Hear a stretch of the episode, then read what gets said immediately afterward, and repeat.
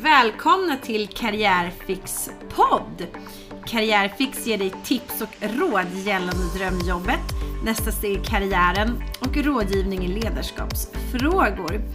Vi har över 30 års erfarenhet av karriärrådgivning, rekrytering och ledarskap.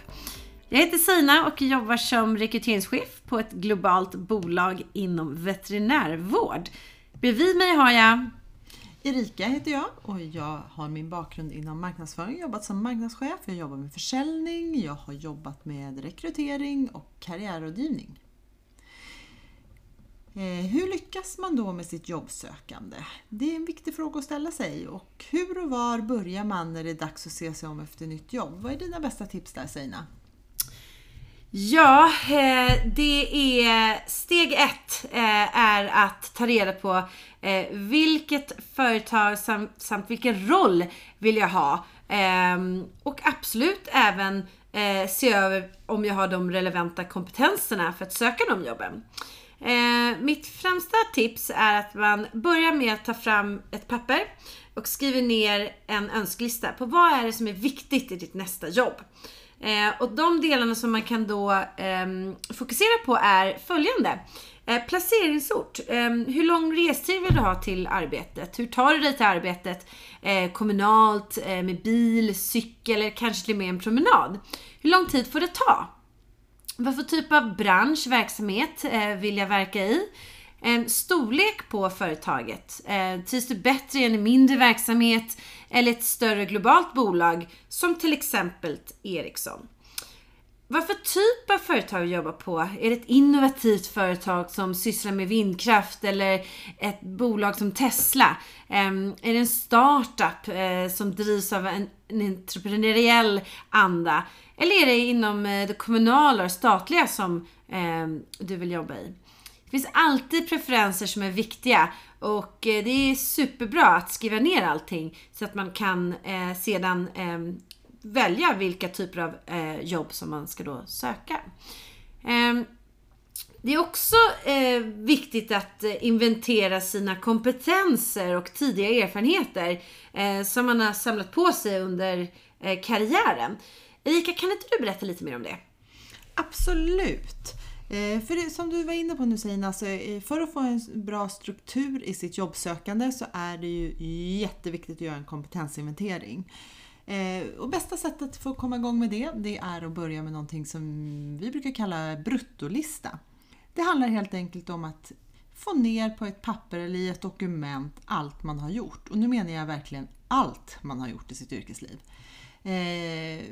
Enklast kanske att börja med första jobbet man har haft. Eh, skriva ner vilket årtal det var, vilken titel man hade, eh, vad företaget hette såklart. Och så börjar man lista sina arbetsuppgifter.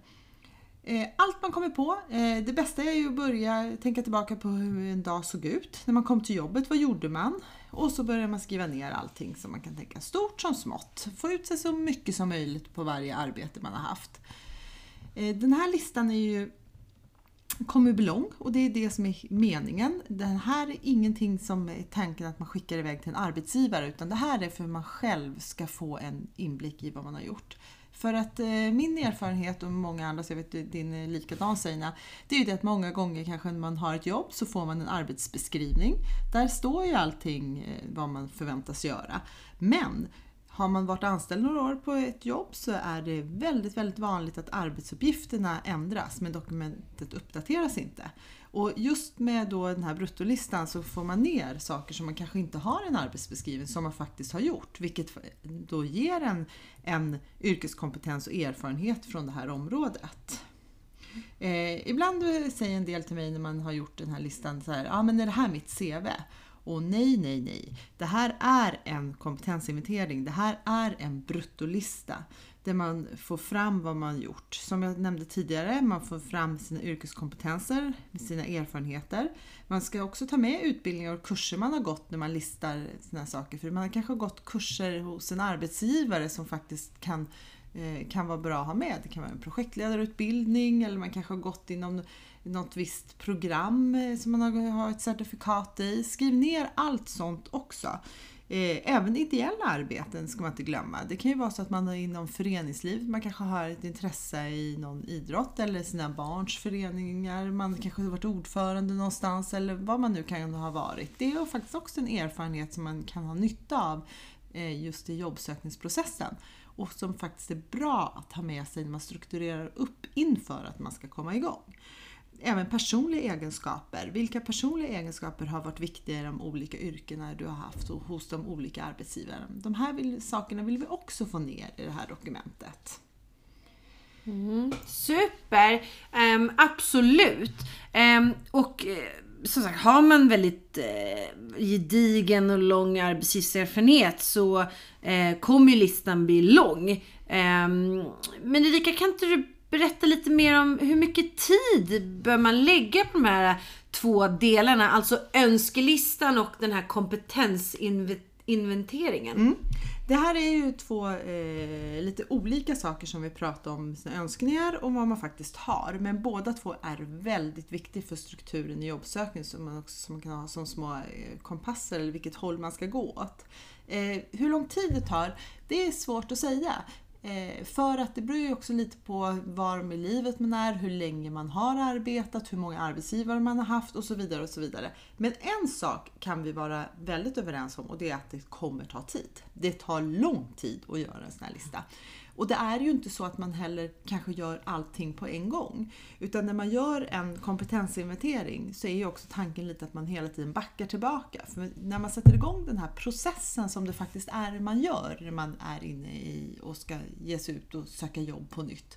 Om man inte har gjort det på ett, på ett tag så är det ju också som så att eh, få ur sig allting, det, det, tar tid och man kommer komma på saker man har gjort och saker som är viktiga att få med och så vidare. Och så vidare och så vidare. Och är, såklart även i önskelistan också. När man börjar fundera på vad som är viktigt för en så lägger man till det och det är exakt det som är meningen. Det här är levande dokument som, som man gärna får uppdatera. Eh, och jag brukar tänka också lite att man kan ha det som en eh, inventera, särskilt då när det kommer till kompetensinventeringen varje år. Som man gör i en butik så räknar man hur mycket varor man har. I den här listan kan man gärna lägga till det nya under året som har tillkommit av erfarenheter och kompetenser som man har fått. Så att, eh, för det underlättar längre fram. För det här dokumentet som sagt kan man plocka fram flera år senare också och det är bara bra för det tar tid att göra grunddokumentet. Okej, eh, super. Eh, vi, vi har ju gått igenom eh, ganska mycket idag eh, tillsammans. Men eh, om vi liksom, utifrån det vi har gått igenom idag, hur skulle du summera det vi har pratat om Erika? Jag tycker att eh, just när det kommer till att få struktur i sitt jobbsök så är det oerhört viktigt att investera tid för förberedelser. Förberedelse, förberedelse, förberedelse. Det går inte att säga nog många gånger hur viktigt det är. För här lägger vi grunden till så mycket. Dels vilken typ av jobb man ska leta efter, var man ska leta efter dem när man kommer på en intervju, så när man har satt igång det här äh, och har arbetat igenom de här delarna så är det lätt att falla tillbaka till det när man får en fråga man kanske inte riktigt hade förberett sig på eller att man, eh, det tar en vändning som man inte hade tänkt och man får, har du erfarenhet av Exempelvis, ehm, eh, jag pratade om det för ett tag sedan, om offentlig upphandling. Kanske man tänker så här, nej det har jag inte gjort. Men så nu har man börjat tänka, jo men vänta jag skrev ju offentlig upphandling när jag jobbade för, med försäljning på det här bolaget för x antal år sedan.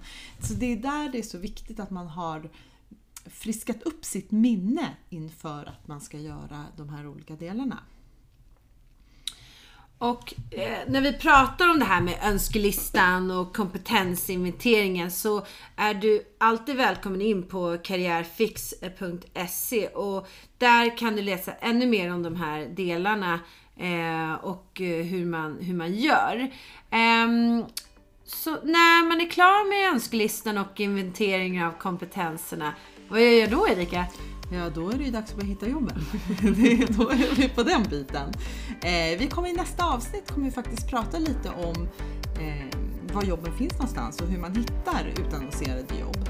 Eh, vi kommer också längre fram i våra poddar prata om spontanansökningar för det finns ju många sätt att nå fram till sitt drömjobb eller den, den faktiskt en arbetsgivare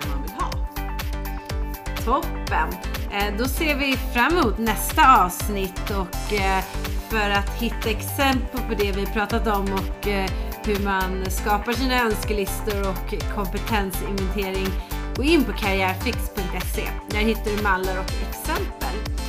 Vi beskriver även närmare vad vi har pratat om idag. Stort lycka till och tack Erika för idag! Tack själv säger